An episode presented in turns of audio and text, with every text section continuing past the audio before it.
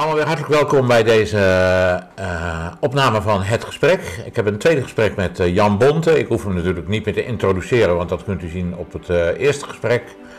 In ieder geval iemand die zich als neuroloog en als arts op een enorme manier heeft bezig gehouden met de afgelopen jaren met de coronacrisis, de maatregelen, de sociale en de geneeskundige gevolgen ervan. Nog steeds actief is op op Twitter en op allerlei manieren. In zijn blogs, op zijn eigen website. Uh, Jan Bonte, die we dadelijk hieronder uh, de, de video zullen presenteren. En ik ben blij dat hij hier weer is. We hebben vorige keer heel veel gesproken over wat was er nou allemaal waar en, en onwaar in dat, dat uh, virus en virusbeleid. Vandaag willen we daar ook nog wel iets over bespreken, want het komt natuurlijk altijd weer te sprake. Maar het zal ook gaan over een stukje totaliteit tijd. Waar, waar, in welk plaatje past dit nu eigenlijk allemaal? Jan, ik vind het leuk dat je er weer bent. En ja. uh, jij vond het ook leuk, uh, zei je. Ja, ik heb, ik heb eigenlijk wel. Nou, er zijn, er zijn, uh, ik heb veel dingen gedaan. Maar er springen er altijd drie uit. Maar ik heb dit is wel de laatste keer voorlopig. Dat is ja. Dillis met, ik weet niet eens hoe dat programma heet, maar dat vind ik leuk. Uh, Nieuwe Wereld vond ik leuk. Ja, dat vind je erg leuk, want daar ben je al diverse keren geweest. Ja, dat is ook wel omdat ik, uh, ik kan moeilijk weigeren als ik mensen graag mag. Daarom zit ik hier ook maar een tweede keer. Ook, dat komt ook door die dame die je uitnodigt. Het is ontzettend, ja. ik vind ze allebei leuk, maar ja. Marlies is inderdaad. Maar leuker dan mij natuurlijk. Um, qua uiterlijk. Ja, dacht ik. nee, maar ja, weet je als Marlies belt en dat is en een, een, een aardig mens, intelligent mens en daar kan ik altijd mee praten, dan maakt het niet uit. En dit is ook klein, knus, gewoon, dat normaal. is het, absoluut. Eigenlijk is dit, zoals vroeger mensen, oude mannetjes, en dat zijn inmiddels... Inmiddels, ja, daar hadden we het over. We hadden het over oude mannetjes die steeds meer uh, zich, zich uh, verdwaalden in de filosofie. Ja. En uh, nou, we hadden het over een podcast die ik even had zitten luisteren, over de filosofie. Ik ben de naam alweer vergeten van de goede man. Ik ga hem gewoon even opzoeken. Bois nog wat. Ja, ik ga hem gewoon weer even opzoeken, want ik heb er een hekel aan om dat dan niet te noemen.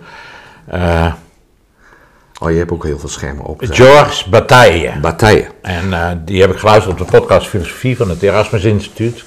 Hele leuke podcast, uh, podcast aanbevelenswaardig. Een drie kwartier behandelen ze steeds een filosoof. En Bataille, als ik het goed begrepen heb, die zegt eigenlijk van de mensheid heeft, uh, leeft van crisis naar crisis. We hebben steeds een crisis en ook een offer nodig om ons weer op te kunnen bouwen. En in die zin zou je natuurlijk ook, Partij is overleden in 1963, dus heeft nooit de, de COVID of, uh, of wat dan ook, maar hij heeft wel twee wereldoorlogen meegemaakt. En, en een recessie en een opkomst van het uh, nazisme, dus hij, hij wist wel waar hij over sprak. Ja, ik denk dat hij uh, dan toch wel de twee. ik geloof dat de Eerste Wereldoorlog, dat is bij ons niet zo bekend, hè, maar dat noemen ze de Great War. Ja. Terwijl wij altijd die denken van, nou, die Tweede Wereldoorlog, dat was een Great War. Maar inderdaad, uh, de crisis die steeds terugkomt, en daar hadden we het er ook al even over, dat Europa als geheel natuurlijk al heel lang vrede kent. Enkele brandjes, ja, dat klinkt denigrerend, maar enkele binnenbrandjes daar gelaten. Maar dat we het eigenlijk al heel lang zonder grote vernietigende oorlogen doen. En toen zei ik inderdaad dat filosofie een oude mannen. Ja. Uh, ik zei altijd dat het was een oude mannen aandoening. Ja. En uh, naarmate ik ouder word, uh, ben ik er zelf ook aan ten prooi gevallen. De aandoening begint je een beetje te pakken te krijgen. Ja, dat is denk ik het begin van het de filosofie. een oude mannenziekte. Ja. Nou is, is filosofie, ja, het is liefde tot de wijsheid. Ik bedoel, het is op, op zich niet zo gek dat je daarvan houdt, toch? Nee, dat klopt. Alleen was altijd veel te druk. Het is wel ik denk wel dat het nodig is om um, achterom te kunnen kijken en denken: wat is mijn leven nou geweest, zeg maar? Ja. En waar deed ik het voor? Ja. En wat, wat, wat staat er ons en mijn kinderen in de toekomst nog te wachten? En dan kom je niet om de filosofie heen. Wat is het nut van het leven? Waarom doe je iets? Waarom laat je iets na? En dat is dan toch wel um, datgene wat maakt dat je probeert na te denken over wat mensen drijft en wat er gebeurt om je heen en wat er in een volk gebeurt. En dat is nu natuurlijk met afgelopen 2,5 jaar is dat nog eens pijnlijker duidelijk geworden. Hoe moet je dit nou duiden? Wat ja. is hier allemaal gebeurd? En dan kan filosofie daar denk ik een grote rol in spelen. Is, is zoiets een crisis uh, à la uh, de, deze filosoof die we net genoemd hebben? Nou, als je het vergelijkt met echt, zeg maar, oorlogen, hongersnood, dan denk ik niet, dit is een andere crisis. En ik ik heb veel meer het idee van een vertrouwenscrisis. Uh, en misschien zeg ik dat niet goed, maar er is, een, er is ja, ik heb George Orwell uh, gelezen op een veel te jonge leeftijd, dus ik begreep er eigenlijk geen, geen moer van. Ik ben hem nu aan het herlezen, het ministerie van Waarheid. Hij schetst natuurlijk ont ontwikkeling naar een dystopische staat, maar het andere boek wat ik parallel lees, dat is uh, Brave New World. En daar lijkt het inderdaad veel meer op. Um, en het is geen oorlog. En zoals Hannah Arendt, ze zegt het eigenlijk, ik heb het proberen na te zoeken. Ik heb, uh, ja, maar jij hebt haar helemaal gelezen. Ja, het, het, ene boek. Uh, nee, alle drie toch? Ja, dat zijn drie boeken, maar ze heeft nog een boek geschreven. Dat ben ik nu aan het lezen. Dat is Eichmann in uh, Jeruzalem, waar ze natuurlijk ook de hele wereld over zich heen kreeg. Omdat ze zei, ja, dit is gewoon een saaie bureaucraat. En de andere is The Human Existence. Alleen, die zijn wel wat beter te lezen dan het, het boek Origins of Totalitarianism. Um, maar ook dat is natuurlijk wel waaruit bestaat die mensheid en wat drijft die mensheid? En vooral, en daar hadden we het net ook over qua psychopathie, hoe is die mens afhankelijk van wat er om hem heen gebeurt?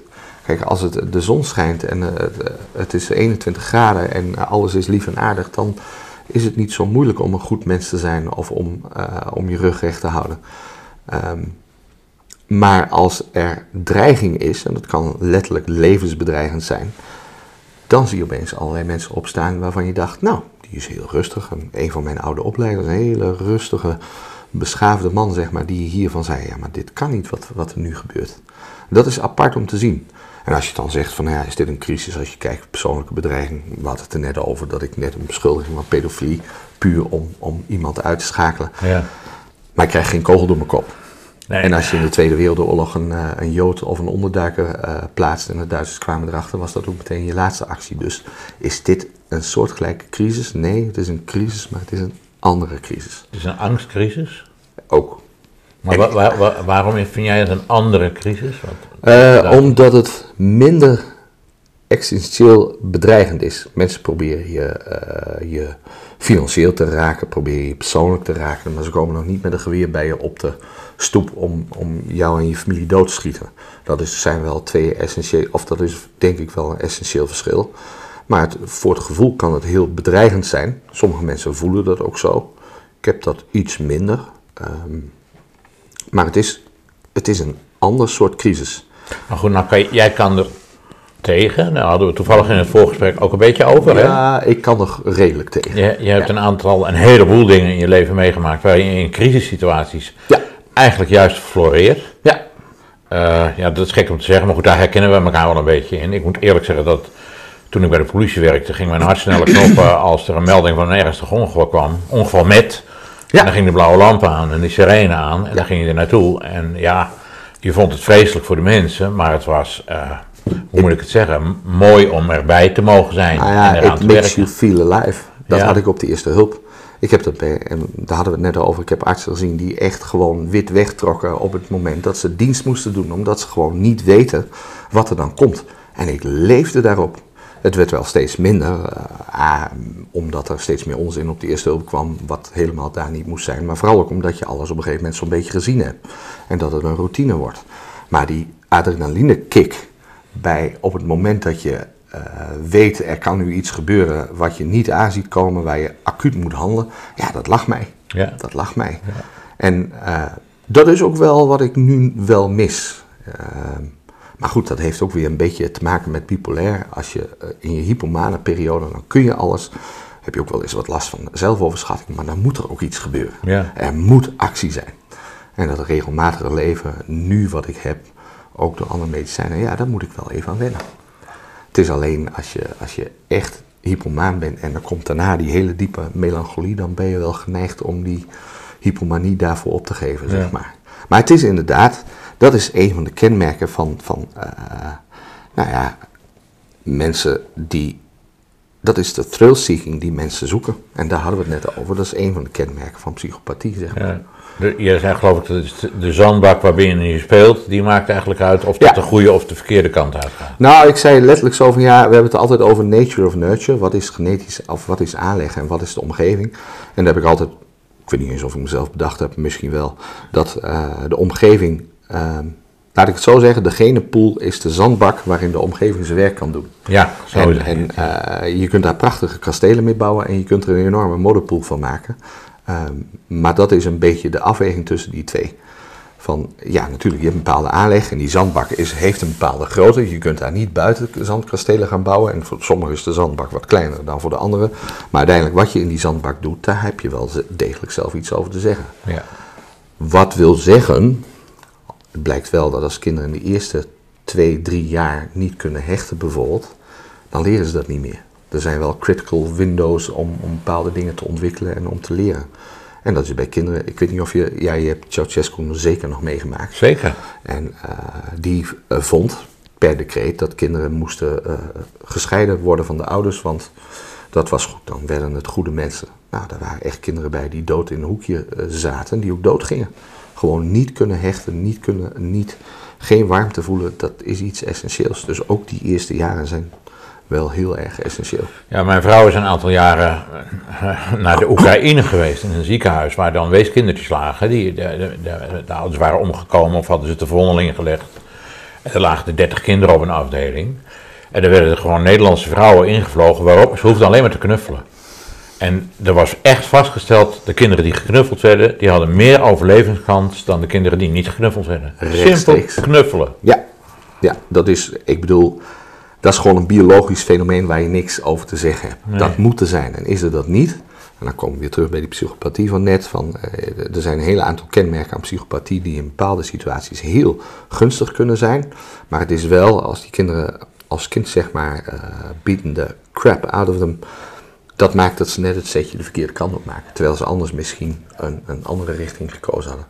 Is, is dat niet wat we al, al jaren uh, in Nederland ook een beetje aan het doen zijn, toch Ja. wel? Door gewoon uh, eigenlijk bedoel, de emancipatie van de, de vrouw, wat je daar dan ook van vindt, maar die heeft er uiteindelijk toe geleid dat ze dezelfde posities innemen, moeten nemen, kunnen nemen als mannen.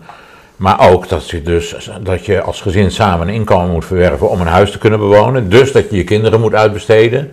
Dus dat je je kind krijgt en daar misschien zes weken voor thuis blijft. Maar dan gaat het ook naar Ja. een, een uh, of andere uh, opvoedingsinstituten waar ze er maar wat mee doen. Ja, nou dat is aan de Met hand... alle respect hoor voor Nee, dat klopt. zo. Alleen het vervangt niet. Het vervangt niet, zeg maar, uh, Matthias de Smet zegt dat in het boek natuurlijk al, dat, dat we steeds meer afgaan van die kleine gesloten gemeenschap waar mensen elkaar veel meemaken.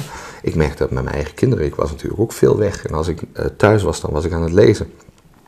Nu ben ik continu thuis. Uh, ik breng mijn kinderen naar school, ik haal ze terug en dan zie je dat daar een band ontstaat die ik daarvoor niet had. Nee. Ze weten dat ik er ben. Als ik, als ik ze breng, dan ben ik er en als ze terugkomen, ben ik er ook. En ik ben wel eens met iets bezig.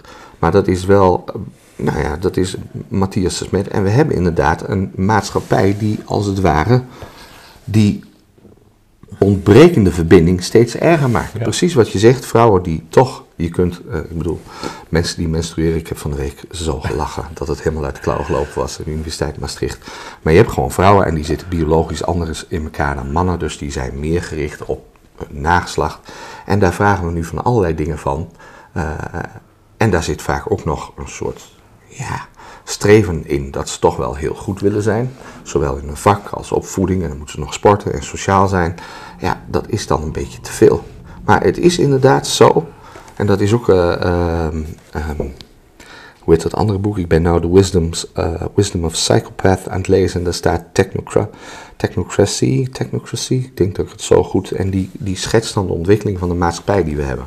Technocratische maatschappij, veel meer afstand, veel vluchtiger contacten. Uh, fenomenen als rent a friend. Ja? Je hebt dus geen vrienden meer, die huur je gewoon als ze van pas komen. Ja, ja, ja, ja. Um, steeds meer digitale minder, steeds minder nabijheid. Ja, dat is niet goed voor mensen. En dat is ook wat ik in die, die volgende blog wil schrijven. Van dat maakt dat mensen met eigenschappen die ze harder en niets ontziender um, en, en zakelijker maakt, dat die in het voordeel zijn. Dus als het ware je maatschappij uh, laat de psychopaat geboren worden. Die geeft hem de kans uh, en die geeft hem de ruimte om met zijn eigenschappen zeg maar de leiding te nemen. En als je dat dan terugkijkt naar hoe. Ik weet niet of je de vredesovereenkomst tussen de, uh, de kolon, kolonialisten. Kol, kolon, kolonialisten. Kolonialisten, ja. moeilijk woord. Ja, niet aan waar. Slauwen. Maar ergens moesten die een overeenkomst uh, sluiten met de Indianen. Ja. Nou, voor die eh, kolonialisten die één tekenden voor die mensen. Maar toen kwamen de Indianen. En al die afzonderlijke stamhoofden moesten komen. Ja. Die groepskomen. Ik waren er meer dan duizend, geloof ik. En daar komt ook dat, dat eh, dienaarschap van die mensen vandaan. De leidende figuur bij, eh, bij de Indianen, dat is degene die moet zorgen dat iedereen het naar de zin heeft. Al, kost het, al gaat het ten koste van hemzelf. Als iemand geen bed heeft en hij is de laatste die een bed heeft, bij wijze van spreken, dan gaat het bed naar zijn ondergeschikte. Dienend leiderschap is tegenwoordig ook heel modern. Ja? Maar daar zie je wel een heel ander fenomeen. Daar is, daar is degene die als het meest wijs, het meest oud en eh, bepalend voor de stam is, dat is een dienaar die moet zorgen dat zijn onderdanen het goed hebben, ten koste van hemzelf. Hier is het precies andersom. Officieel betekent minister-dienaar, hè? Ja, dat zijn ze volgens mij al een tijdje kwijt, hè? Ja. Ja. Ja. Ik, eh, wat dat betreft kunnen we ze beter eh, despoten noemen, zeker zoals Hugo de Jonge. Want alles wat meneer wil moet afgedwongen worden, Ja. omdat hij de heilige wijsheid in pacht heeft. Dus in dat opzicht, als je het dan toch weer hebt over, is dit een crisis? Ja, dit is wel een crisis, maar die crisis zit hem in de maatschappij. Een soort, een soort maatschappelijke crisis, een Ja. humaniteitscrisis. Humaniteitscrisis is nog wel Ja. een beter woord. Ja.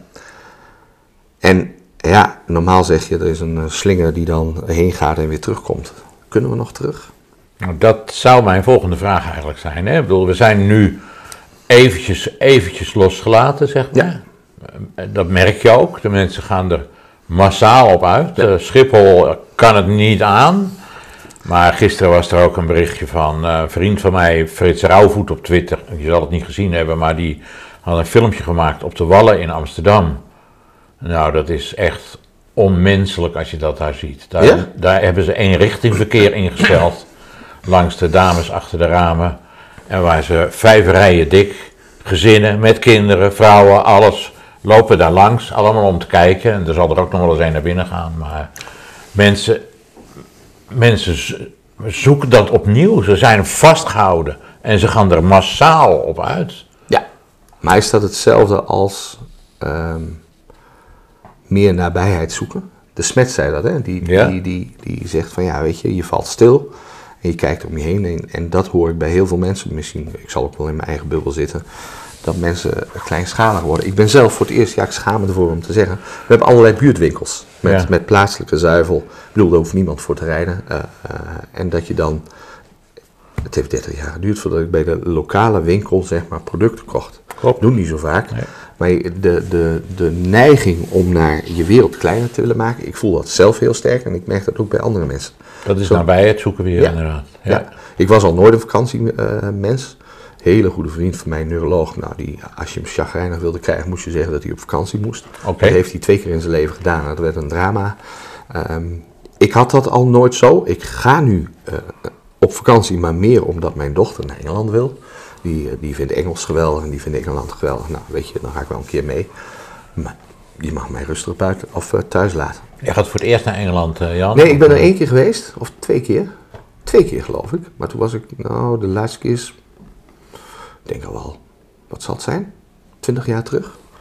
En ik ben natuurlijk voor mijn werk wel veel in Duitsland geweest, maar mis ik het? Nee. Nee. En ook, ook als je virtueel reist naar de tv bijvoorbeeld of radio. Nou, ik zei net al, ik, ik leef tegenwoordig voor een groot deel zonder telefoon. Wat Ja. een rust. Ja. Televisie. Ja, mijn vrouw kijkt wel een serie en we kijken s'avonds altijd één of twee comedies. Gewoon los van het nieuws. En voor de rest eh, zou ik hem kunnen verkopen. Ja, ik hoorde, ik hoorde je even bij de, bij de Nieuwe Wereld dus. En daar had je, ik moet denken aan een gedicht die zegt, ik zit s'avonds wel eens uit te kijken nu over de landerijen, zoals mijn vader dat vroeger deed. Ja. En dat gedicht van de landman gaat als de avond is gevallen, weet je wel, dat, dat komt dichterbij. Dan, Ja. dan, dan kom je Ja, bij het en, leven, bij de natuur, bij de schepping. ja, en die buitenwereld is dan opeens een stuk kleiner. Ja, hè? Ik heb dat in een blog over Urk ook geschreven. Weet je, je bent niet meer bevattelijk voor de invloed van big tech of van de regering of propaganda of nudging, hoe je het ook wil noemen. Zo gauw je je tv uitlaat en je klapt je laptop dicht, ben je onkwetsbaar voor die onzin. Ja. Want dan is er alleen nog de waarheid die je recht voor je ogen hebt. En dat, dat kan de natuur zijn, dat kan een vogel zijn. Dat is er. Daar kun je op vertrouwen. Ook dan is natuurlijk wel een afspiegeling tussen wat daar werkelijk loopt en wat je ziet. Maar dat, dichter dan dat bij de waarheid kom je niet. Niet veel dichter, nee. Nee. En als je de televisie weer openzet en je doet je computer weer aan en je zet je laptop aan, dan komt daar een wereld naar binnen. Twitter is natuurlijk het ideale voorbeeld van een totaal verwrongen wereld. Maar in mindere mate is dat natuurlijk ook bij actualiteitenprogramma's en bij kranten. Het is een vervormde Het werkelijkheid. is de voor jou bedachte waarheid. Ja, ja dat is is, misschien eh, wel heel mooi omschreven. Ja. Ja. En nu blijkt dan ehm, dat het heel bewust zo gedaan is. Wat ik niet had gedacht dat een overheid dat zou durven, terwijl ik beter had moeten weten natuurlijk. eh. Waarom Maar- had je het niet gedacht?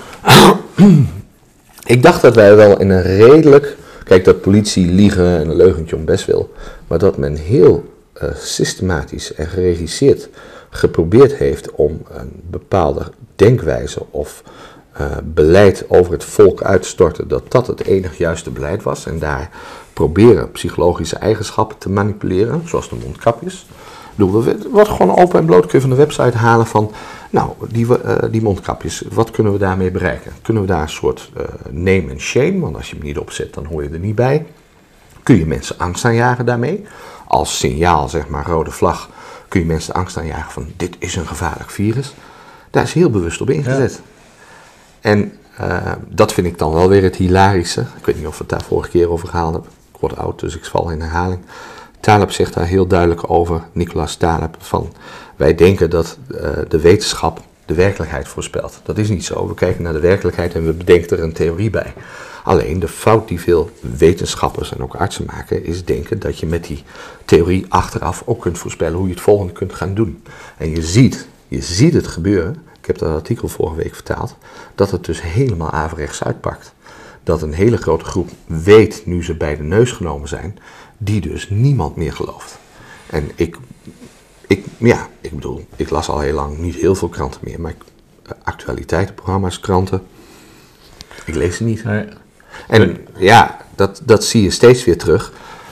Men heeft niet gezien, Kuldorf heeft daar heel veel voor gewaarschuwd. Je kunt proberen een volk te manipuleren, maar zo gauw het volk zich realiseert, wij zijn hier bedonderd, dan ben je ook al je vertrouwen kwijt. Dat is het vertrouwen wat te voet komt en te paard gaat. 17% van de Nederlanders, ongelooflijk, maar heeft nog vertrouwen in dit kabinet. Ja. 17%. Dat is natuurlijk wel Nog nooit zo laag geweest. extreem, hè? Dat is... eh, En het gaat niet beter worden. En eh, ja, dat is ook, ik bedoel, daar zit Rutte als, als, eh, ja, als, als geboren leugenaar, eigenlijk een man met heel veel trek van psychopathie. Alleen je ziet dat hij door de mand valt met die 17% vertrouwen. Zou die het zelf zien? Nee, Nee, hè? Nee, dat denk ik niet. Nee. nee, nee. Deze man is, eh, is, is ehm, nou, dit is echt wat men in de literatuur een succesvolle psychopaat noemt. Ja. Hij heeft zijn emoties onder controle, maar voor de rest heeft hij alle kenmerken. Dus het is geen gewelddadige, eh, gewelddadige psychopaat, maar het is er wel een. ja. Ja, op en top. Hij is in de, in de genenbak terechtgekomen waar hij dat ook kan uiten Juist. natuurlijk, hè? Dat is dat, dat, want ik dacht, ja, hoe kan dat? Ja, nee, ergens wist ik het wel, maar die, die, die man, die auteur van het boek, legt dat heel goed uit. Van, eh, typisch die eigenschappen maken mensen geschikt voor, eh, voor om als CFO of CEO te fungeren in een organisatie waarbij het puur om het doel gaat, namelijk winst maken. Ja. En daar moet de rest voor wijken. En eh, dan moet je niet al te veel gehinderd worden door eh, een, een morele overtuiging of, of eh, empathie met mensen. Want als je 500 mensen eruit moet knikkeren, dan weet je dat dat voor een aantal van hen hele grote gevolgen heeft. Als je daarbij stil gaat staan, ben je al niet meer geschikt voor het er werk. Nee, nee. Dus dat is de, de psychopathische maatschappij die deze mensen maakt. Dat is de interactie tussen de aanleg die ze al hebben. Eh, als zij zich zo zouden gedragen bij die Indianenstam, dan vielen ze op en werden Ja. ze uit de stam gezet. Ja. Nu worden ze onze politici en onze, eh, de mensen in de top van het bedrijfsleven. Ja. Is zo mijn verklaring. Ja. Nou ja, ik denk, eh, ik denk ze, ze hebben de kans en daardoor worden ze het. Als bijvoorbeeld zo'n CEO of iemand anders eh, die, die dat nu ten goede aanwendt, wat, wat dan ook goed en kwaad is. Hè, maar als die die kans had gehad, zou die misschien ook geworden zijn. Hè. Rutte zou misschien een hele goede manager van eh Karwei Supermarkten zijn geworden of zo, weet je wel.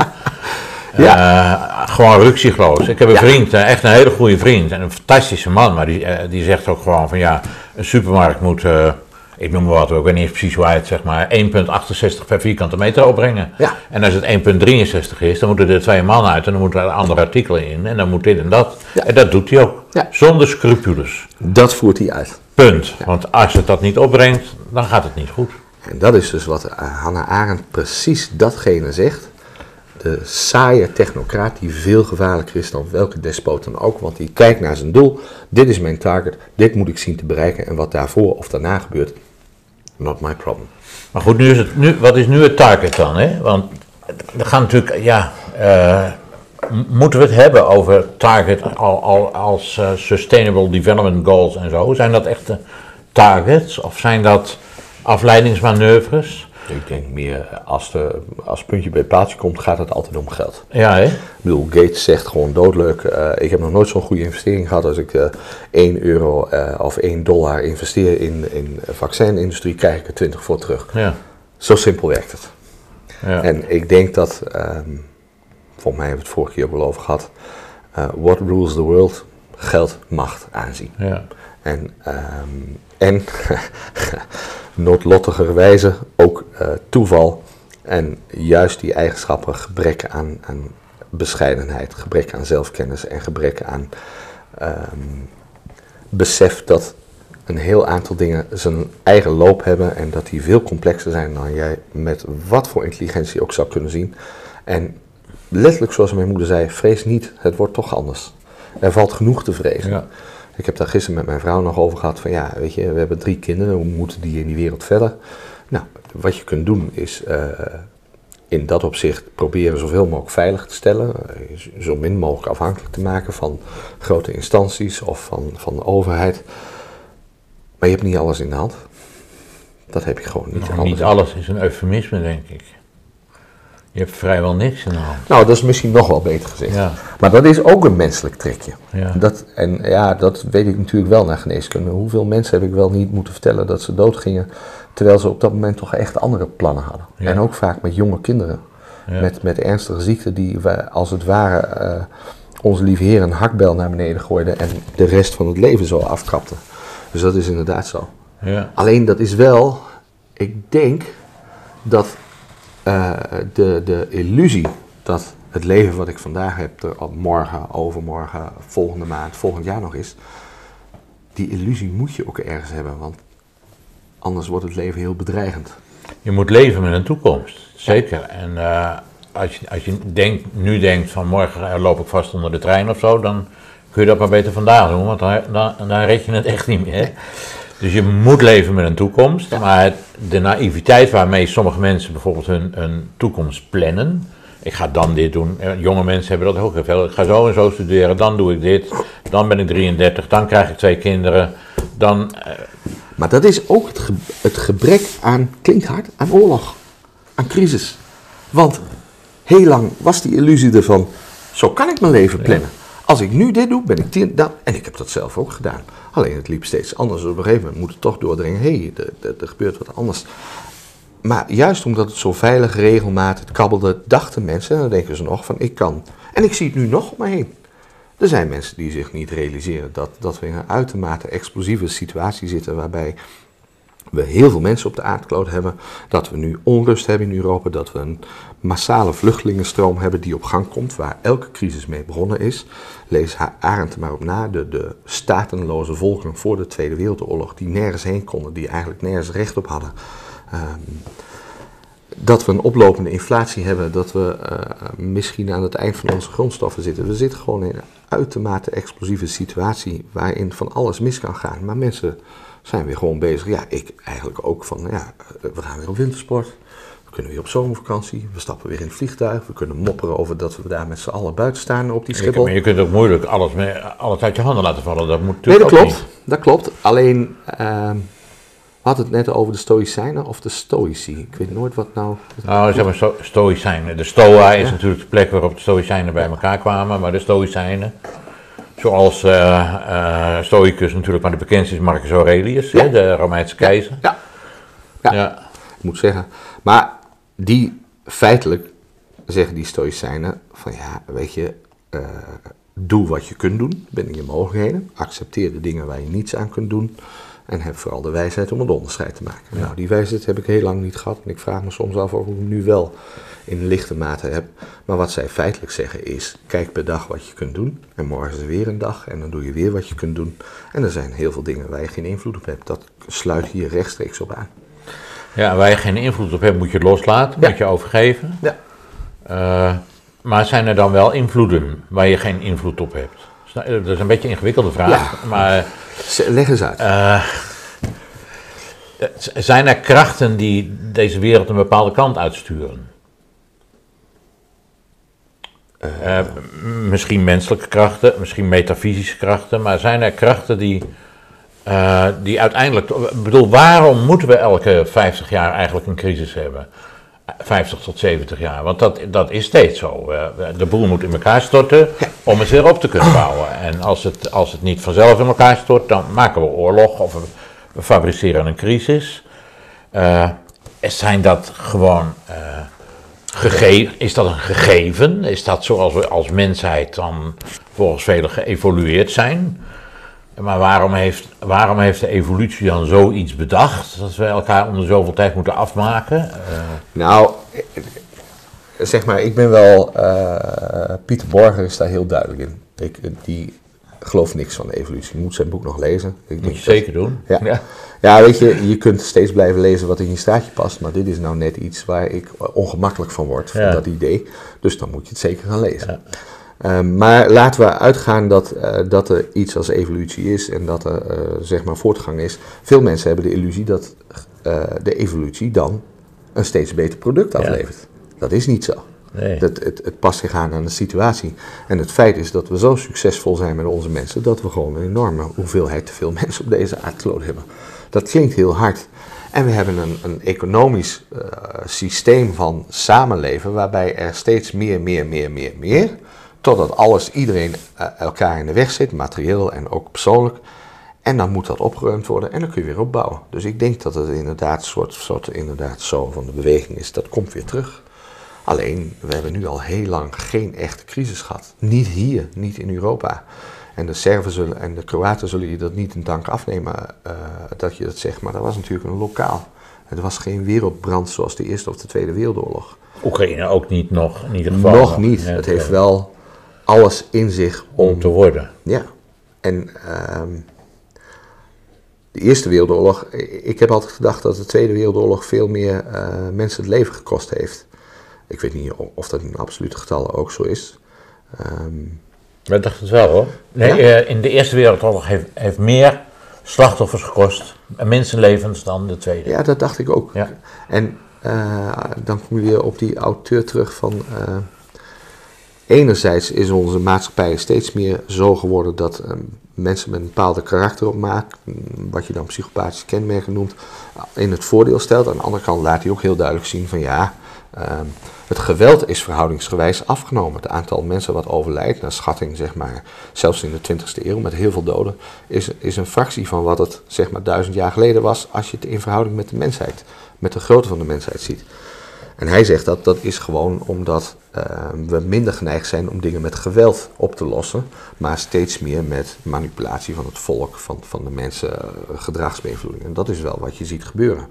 Men probeert een volk een bepaalde kant op te duwen, eh, een bepaalde, in een bepaald corset te duwen, maar er wordt relatief weinig geweld bij gebruikt. Alleen op Museumplein, maar dat blijft beperkt. Totdat dan werkelijk ergens de lont in de kruidvat gaat, zoals nu Oekraïne. Ja, en dan knalt het ook. Ja. Ja. En dan is de vraag, tot nu toe, tot nu toe, weten de, de machthebbers zich ehm, in te houden. Maar het heeft natuurlijk alles in zich om gigantisch uit de klauw te Ze lopen. houden, ja, ze houden zich in, ze, ze houden elkaar nog een beetje in evenwicht, zeg maar. Ze durven niet.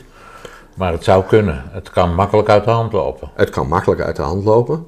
Ehm, maar ook daar kom je weer terug bij de propaganda. Ik geloof geen kranten meer, ik geloof geen media meer. En dan zie ik op YouTube een ex-marinier, die zie ik uitleggen hoe zo'n oorlog gevoerd wordt. En dan denk ik, ja, ehm, Oekraïne gaat die oorlog verliezen. Dat was ook te verwachten. Het is niet dat ik dat wil, maar het is wat je voor, voor je ogen ziet gebeuren. Deze man die laat zien dat wat de Russen doen, dat ze in Syrië het, hetzelfde gedaan hebben. Consolideren, uitbraak, stad veroveren, eh, met heel veel geweld. Echt met heel veel artillerie, heel veel geweld. En hij zegt, die, hij legt ook uit van ja, die Oekraïners die hebben daar acht jaar de tijd gehad uh, met behulp van de Amerikanen en de NAVO om daar een enorme verdedigingslinie neer te leggen. Daar ben je niet zomaar doorheen. Maar wat ze doen is heel systematisch en heel rigoureus. Maar, en ze nemen daar de tijd voor. Terwijl we hier alleen maar horen dat, uh, dat Rusland de oorlog gaat verliezen, dat ze een slecht gemotiveerd leger hebben, uh, dat het een kwestie van tijd is voordat ze Rusland ingeslagen worden. Ook daarin moet je weer je eigen weg vinden en proberen te begrijpen wat daar gebeurt. Maar om terug te komen bij wat ik wilde zeggen, wat als Rusland die oorlog wint? En die neemt heel uh, Oost-Oekraïne, waar alle grondstoffen zitten, waar het overgrote deel van de voedselproductie, uh, zeg maar, uh, nou, plaatsvindt, laat het maar zo zeggen. En ze hebben alle havens in handen. Dan is Oekraïne, de rest van Oekraïne is als het ware, ja.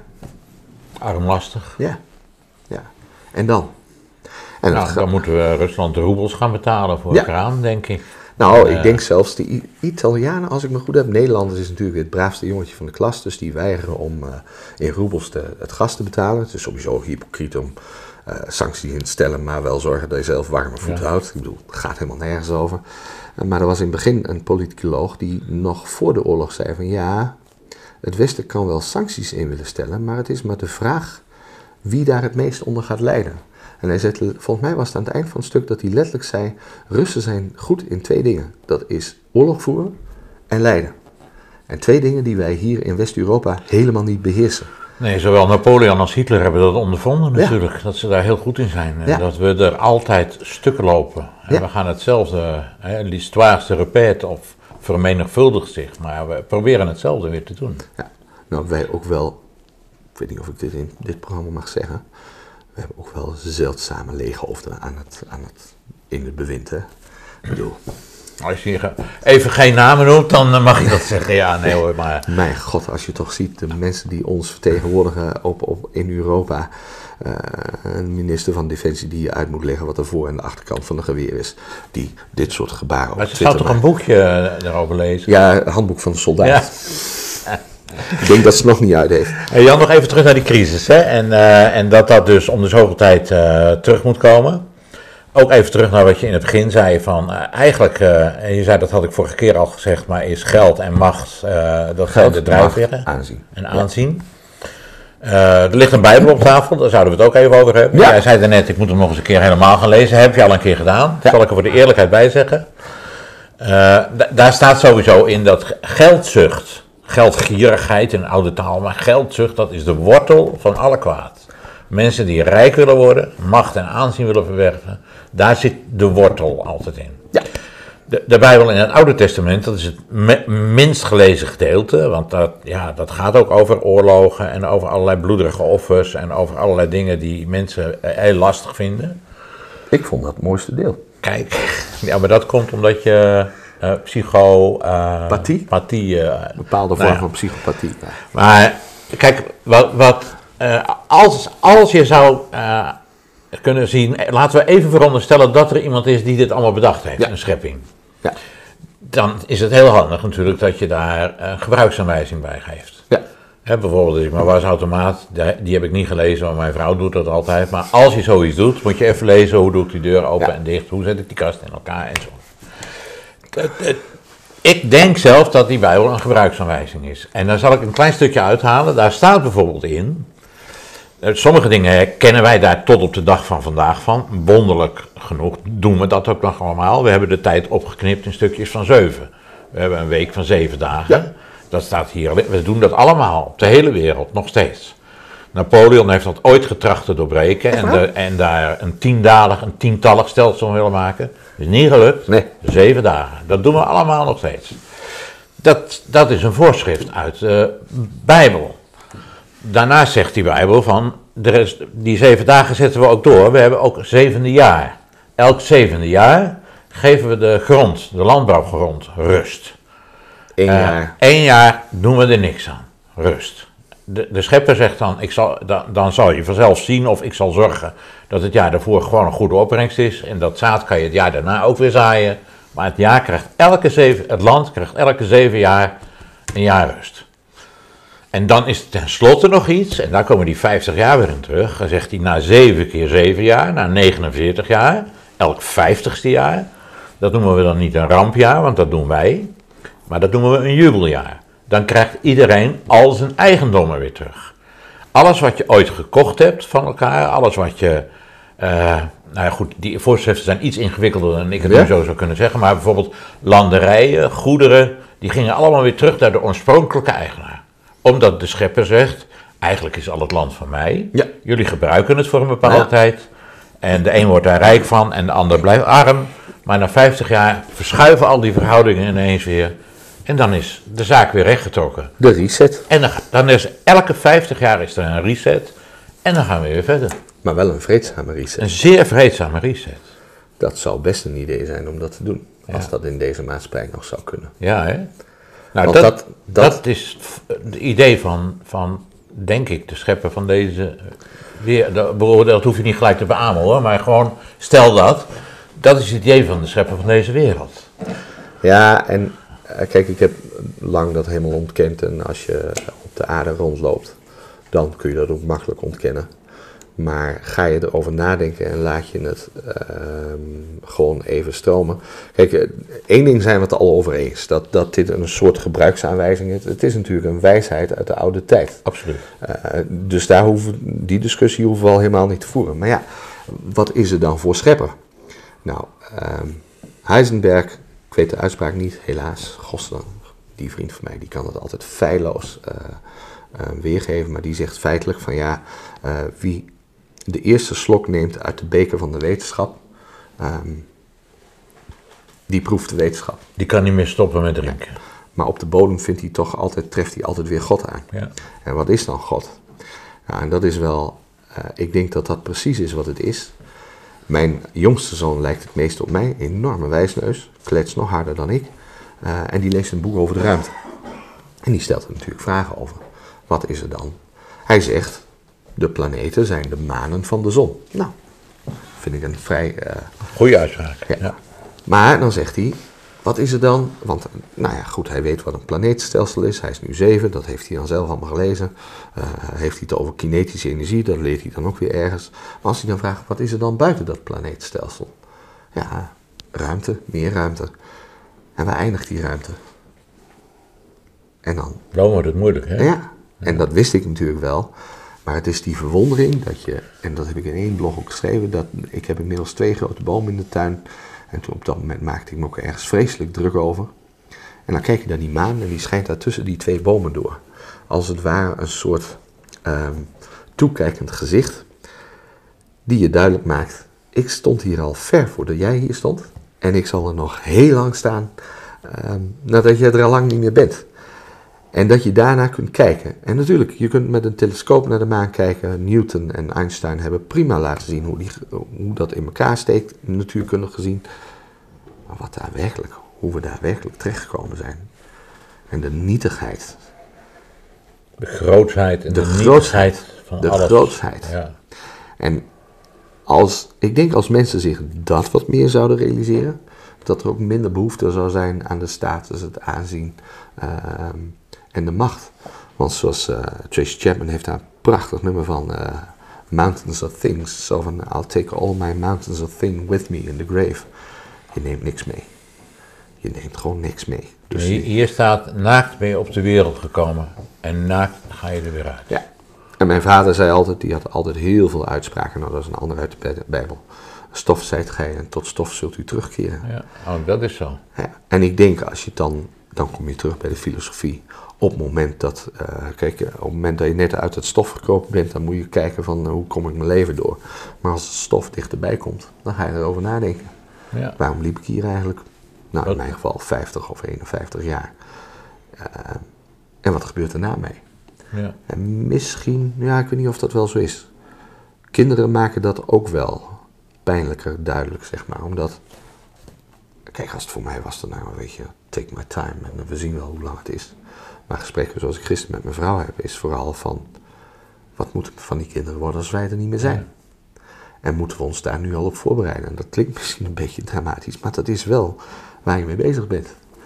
En ik heb altijd al gezegd in mijn leven, travel light. Ja, ik heb een eigen huis, ook een mooie plek. Maar doe zoveel mogelijk weg wat je niet nodig hebt. Doe dat weg. Geen, geen onnodige bagage. Nee. En ik heb zelf ook, ik bedoel, hij ligt hier nu, dat ding heb ik nieuw gekocht. Ik snap nu bij god waarom niet. Eh, een nieuwe iPhone. Nou, de luidspreker doet het niet Heb je meer. hem van, eh, van Rutte overgenomen? Ik denk het. Die moet een nieuwe geloof ja, hè? Mijn duimen waren ook te dik, dus ik heb ook eigenlijk een grotere nodig. Nee, maar weet je, het is zo makkelijk om mee te gaan in die malot, maloterie van meer materiële winst. Ja. Ik vind een eh, autorijden vind ik fantastisch comfortabele auto. Maar ik heb twee van die oude sloepen, die dingen die rijden fantastisch, onderhouden ze zelf. Maar je gaat daarin mee, terwijl zelfs psychologische literatuur laat zien, je hebt een nieuw speeltje, daar kijk je drie maanden naar en daarna is het gewoon een telefoon. En dat is met een auto ook zo. En weet je, daar gaat het allemaal niet om. Ja, gisteren heb ik een filosoof beluisterd, Scho- Schopenhauer. Dan kom ik Ah. even van, van de Bijbel naar Schopenhauer. Maar die zegt het verlangen is het wezenlijke in een mens. Je moet eigenlijk blijven verlangen. Maar niet naar dit. Nee, niet, niet nee. Niet, maar ook de vervulling van het verlangen eh, is uiteindelijk het einde van het verlangen. En, en maakt, maakt dus zinloosheid ken, kenbaar, le- ledigheid. Dus ja, ik denk, we hebben er niet eens Schopenhauer voor nodig, want dat heb ik wel heel dikwijls als ik al die filosofen lees en hoor, ook, ook eh, Socrates. Dan denk ik, lieve mensen, eigenlijk eh, hadden jullie gewoon ook de Bijbel moeten lezen. Sommigen hebben dat ook wel gedaan. Ja. Want zoveel van wat jullie zeggen staat in de Bijbel. Maar misschien hebben ze hem wel gelezen. Sommigen wel. Socrates niet. Nee, dat denk ik. Bepaalde delen van het Oude Testament wellicht, maar het Nieuwe Testament dat heeft hij nooit gezien. Eh, dus het ligt een beetje aan. eh, maar ik zit, die, die, die combinatie tussen filosofie en tussen wat, wat de, de, de, de schepper zegt. Ja, ik heb, ik heb een prachtig boek gelezen eh, van Andreas Kinneging. Ik weet niet of die naam je bekend is. Jazeker. Professor aan de Leidse Universiteit. Dat is wel, dat is niet helemaal van mijn generatie, maar die was in de tijd dat mijn vader veel politiek las, kwam hij regelmatig aan het woord. Oké, nou, dat boek, het is zo'n pil. Het is echt een, hij schrijft in het begin zelf, je moet het lezen als een koe. Eten, kauwen, herkauwen en vier keer door. Hoe heet het? Het heet De Macht van het, eh, de archeologie van het kwaad. Oh, die moet ik direct hebben. Waar, waar komt nou het kwaad van, wat is de archeologie van het kwaad? Dan begint hij bij de hele vroege filosofen. En dan e- eindigt hij als het ware, eigenlijk is, ik denk dat Matthias de Smet het boek gelezen heeft en er stukjes uit, uit geplukt heeft. Maar hij eindigt ook bij de verlichting die ons allemaal eenzaam maakt. En de romantiek die als, dat slaat de Smet over, maar dan zegt hij de romantiek volgt daarop. En, want die wil, weer, die wil weer voelen, die wil weer romantisch zijn, maar die wil ook uniek zijn. En eigenlijk, het feit dat we allemaal uniek zijn in de romantiek, er allemaal mogen zijn, zoals we zijn, maakt dat we nog eenzamer worden. En, en op een gegeven moment weten we niet eens meer, weten we nog wel hoe we in elkaar zitten qua moleculen, maar niet meer wat we zijn als mens. Zijn we daar nu bij, met woke bij aanbeland? Daar zijn we met ook bij aanbeland. Dat zou En- best eens kunnen. En dat is wat Kinneging ook in zijn boek eh, De archeologie van het kwaad eh, benadrukt. Dus ja, ik vind het geweldig. Excess. Ja, dit, ja. Want voor mij, hij leeft al niet meer, toch? Kinneging jou hoor. Ja? Ja, ja, ja. Oké. Ik heb hem pas nog eh, een toespraak van hem Oh, die, gaan we, die gaat ook op de stapel. Is Maar een mooie, prachtige, erudite man. Die, Oh, dat zal. Echt, ja, het probleem is, ehm, ik heb een, naar analogie van Gos heb ik een, een stapeltje boeken to read before I die. Maar ik Ja. heb nu al genoeg voor de komende drie je levens. hebt er nu weer een bij. Ja, ik heb er nu weer één bij, dus daar kan ik nog even... Maar de- de- deze hoorde er ook bij, zei je. Ja. So read before you die. Ik zou- Eigenlijk moet ik dit elke avond voor naar bed gaan, moet je, dit moet je niet in één keer lezen. Dit Nee, is dat kan, het is ook geen boek. Nee, dat moet je als het ware, eh, een, een, dat heb je met meer boeken. Eh, die van Matthias de Smet bijvoorbeeld, een heel goed boek, maar dat kun je achter elkaar door. Ja, dat lees je uit. Dat is een één doorlopend verhaal. Maar hier, kijk, je hebt hier spreuken. Daar heb je soms aan, eh ja, haat werkt twisten op. Liefde bedekt alle overtredingen.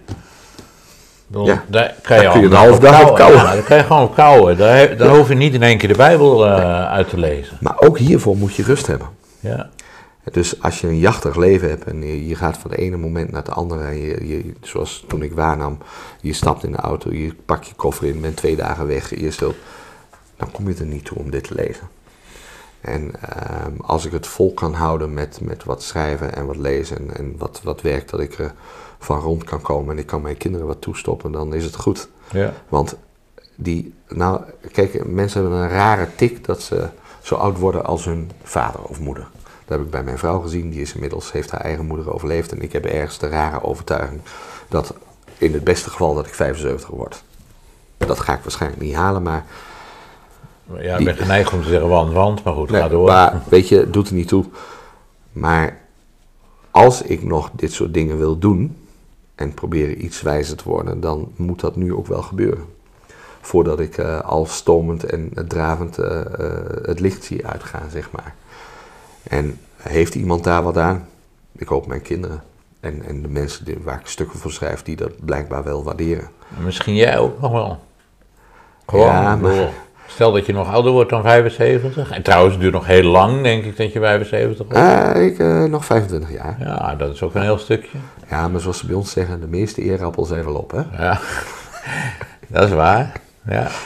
Nee, Maar goed, weet je, stel, nou eens dat er wel eh, metafysica, die is er natuurlijk sowieso, maar dat het metafysisch gezien is dat we als mens op een of andere manier toch weer door blijven bestaan. En we die wijsheid ergens vandaan kunnen halen. Stel dat, niemand kan dat bewijzen. Ze zeggen wel eens, er is nog nooit iemand teruggekomen. De Bijbel zegt dat dat niet waar is, dat er ooit één wel terugkwam. Ja, En die zegt, ik ben daar geweest en ik zeg jullie, eh, ik nodig je uit om met me mee te gaan, want het is hier prachtig. Maar ja, neem de tijd. Ik bedoel, ik ga niet preken, al ben ik een dominee, maar ik zou zeggen, de neuroloog gaat als de avond is gevallen, zijn akker rond. neuroloog ben ik niet. Nee, daar ben je niet meer. In, in, in naam nog wel en ik heb de registratie is verlengd. Maar ik voel me geen neuroloog meer. Nee. Terwijl ik dat... nou Met weet heel ik veel heb liefde en eh, plezier deed. krap tien jaar gedaan en ik heb het met veel plezier gedaan. Ik ben lang assistent geweest, dus ik heb ook heel veel dicht bij patiënten gestaan. Want dat zijn Ja. de artsassistenten die het meest met de patiënt omgaan. Die ook de moeilijke gesprekken doen. Dat heb ik altijd met heel veel plezier gedaan. Eh, nou, plezier is niet het goede woord, maar dat vond ik enorm dankbaar werk. Maar ik voel me... ehm, ja, dat klinkt misschien... Ja, is het zuur? Nee. Eh, ik weet eigenlijk niet of ik dat nou bitter of zuur... maar ik voel me geen dokter meer. Al, al een jaar, anderhalf jaar niet meer. En dat zit hem erin dat ik niet meer eh, onbevangen mensen tegemoet kan treden. Dat ik wantrouwend ben geworden en dat ik nu, terwijl het niet om geweld of vernietiging of, of eh, eh, concentratiekampen gaat, maar dat ik nu gezien heb wat mensen elkaar aan kunnen doen. Waarbij ik nadrukkelijk wil zeggen dat ik er ook een handje van heb hoor. Ik kan ook met gestrekt been mensen met de grond gelijk maken. Dus daar hadden we het ook weer over psychopathie. Maar ik ben wantrouwend geworden. En ik ben hard geworden. Mijn vrouw zegt dat al maandenlang. Eh, Jouw zachte kant gaat, is helemaal naar de achtergrond verdwenen. En ik voel dat zelf ook zo. Helaas, het is niet anders. Dat is weer de omgeving wat die eh, een zandkasteel of een modderpoel eh, bouwt van wat er in mij zat. En ik denk dat die hardheid en dat, dat rukzichtloze wat ik altijd wel een beetje had, maar ook een andere kant, dat inderdaad dat die balans die kant op geschoten is. Ja, weet je, ik moet zomaar terwijl je dat vertelt denken aan, aan, Jezus. Die, eh, die wordt altijd ge- ge- gekenschetst als een liefdevol, eh zachtaardig, goedaardig figuur. Dat was hij natuurlijk soms ook helemaal niet. Want als het iets hem niet zinde, pak- pakte hij een zweep, sloeg hij iedereen omver, maakte hij het tempelplein schoon. Ja, En dan keerde hij de schoon. tafels om. En als hij de fariseeërs tegenkwam, de leiders, de geestelijke leiders van die tijd, zei hij, weet je wat jullie zijn? Bedoel, jij deed het nog netjes leeghoofd, dan had je het over onze Ja, de leidinggevende. Maar Jezus zei zelfs, jullie zijn gewoon witgepleisterde graven. Een stel botten, een stel lijken, waarover ze dan een mooi, eh, mooi wit, eh, wit hokje heen hebben gezet. nou ja, we hebben nu de fariseeërs van de wetenschap. Precies. Maar goed, diezelfde Jezus, die krijgt tranen in zijn ogen als die kinderen ziet. Ik nog steeds. ja, als, eh, dat, dat is ook door de verandering van medicatie denk ik wel gekomen. Maar ik, kan, ik kan ergens naar kijken en dan schieten me de tranen in de ogen, zeg maar. Vanmorgen krijg ik een bericht van de Nederlandse Vereniging voor Vliegers. Kreeg als een van de eerste het bericht, omdat ik in dat appgroepje zat, dat ze de rechtszaak gewonnen hadden. Ja. Van, tegen de vaccinatieplicht. Ja, Aan de KLM. dan schiet ik vol. Ja. Ik loop wel een half uur mijn dochter denkt, nou papa is nou helemaal gek geworden. Maar, en die zei, ja wat is het dan? Ik zei, nou dit is er gebeurd. Ik zei, eindelijk, eindelijk, eindelijk hebben we iets, Iets waarvan we zeggen, dit kon niet. En hier hebben we een, een halt weten te roepen, zeg maar. God, ik heb wat stukjes geschreven. Ik weet niet eens of ze er gebruik van gemaakt hebben. En ik weet ook, ik wil me niet zeggen dat ik er zelfs maar een millimeter aan bijgedragen maar ik voelde Maar je was er blij mee. ik was er blij mee. Blij En als ik een kende kind. de mensen eh, die dit aanging. Nou, ik, ik heb ook op Twitter gezet van... eh, wat, ze- ik weet niet eens meer hoe ik het geschreven heb. Zo van... eh, Ja, ik geloof dat je schreef, ik heb tranen in mijn ogen gekregen. ja, nee, dat... zelfs eh, opgeschreven. Nee, ik heb... Ik heb eh, ehm, I think uh, I'll drink one to that. Oh ja, en maybe two. Maybe even two. En ja, ik, ik, ik heb ook gezegd op die app van, ik krijg die grens van, de, grens van vandaag gewoon niet meer van mijn gezicht. Ja. Dus het kan me ook heel erg raken. Maar ik merk wel, nou ja, dat zie je ook weer met zo'n beschuldiging van pedofilie. Dan zie ik dat en denk, ja, ik weet wat het doel is. Gelukkig was deze sukkel zo dom om dat zelf op te schrijven. Dat hij, dat hij zeg maar twijfel of verdachtmaking wil uiten. Zo dom zijn de meesten niet. Dat is altijd een voordeel, dat mensen niet zo snugger zijn. Dan kan ik de hardheid opbrengen en ja, weet je, dit is gewoon zijn doel. En dan heb je het weer over ik, maar ik ga alle kanten op. Maar in het boek beschrijft hij een, een, een, marinier die in zijn opleidingstraject zit. En uh, er is één type die ze, ongeacht wat ze doen, die krijgen ze gewoon niet kapot mentaal. Die kun je alles doen, je kunt ze zelf, zeg maar, als ze niet doodgaan, gaan ze niet kapot. En die zegt op laatst tegen iemand van, uh, you failed, tegen de instructeur. Terwijl de instructeur normaal gesproken dat tegen de cliënt zegt. Zo hard ben ik niet, bij lange na niet. Maar het is wel wat ik nu denk, ik zie dat gebeuren, ik zie dat voor mijn ogen gebeuren en denk, You failed. Fuck you. you failed. Dit kan ik hebben. Kom maar op. En uh, terwijl, als ik nu terugkijk naar mijn judo-tijd, toen was ik 18. En ik keek om me heen. Ik vond het spelletje heel leuk. Maar ik had niet die mentale hardheid die de echte winnaars hebben. Jan Middelkamp was een. Uh, ik heb nooit van hem kunnen winnen. Maar die had dat wel. Die, uh, dat is een cruciaal moment. Je hebt iemand in een armklem. En iemand klopt niet af. En dan kun je twee dingen doen. Je laat los en je denkt, ik pak hem wel op een andere manier. Of je breekt gewoon die arm. Ja. Middelkamp deed dat. Als je niet afklopt in de wedstrijd, dan ging je de arm aan. Ja. Ik kon dat niet. En ik merk nu, 30 jaar later, dat ik op een bepaalde manier die mentale hardheid ergens ooit gekregen heb. Uh, dat verbaast me ook wel van mezelf. Ja. Dat verbaast me ook wel. Dan zit je weer van naar die ontwikkeling. Maar inderdaad, het is, het is heel extreem. De, de, de geringste dingen kunnen je raken. Een muziekstuk, een, een mooi stukje tekst of zo. Maar naar buiten toe, mensen die kwaad willen. Of mensen die niet eens zozeer mij bedreigen, maar mijn bestaan, mijn kinderen. Ja, geen enkele empathie heb ik daarvoor. Nee. En het wil niet zeggen dat ik ze. Nou, daar, hebben we het daar hadden we het ook even over. Hè? Die Russen die dan terugkomen in Bayern.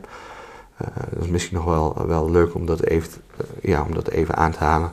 Ik heb mijn leven lang, ik heb dat boek veel, op veel te jonge leeftijd gelezen en ik weet niet eens meer hoe het heet. Maar dat was de, de gebeurtenis dat de Duitsers met een Todeskopf-divisionen daar Rusland ingetrokken en daar alles gewoon met de grond gelijk maakten. Hebben baby's, kinderen, het maakt allemaal niet uit, het ging allemaal kapot. Die Russen die joegen ze voor zich uit en die zagen wat die Duitsers achtergelaten hebben. En dat ze zich als beesten buiten elke voorstellingsvermogen om in Bayern huisgehouden hebben onder de bevolking.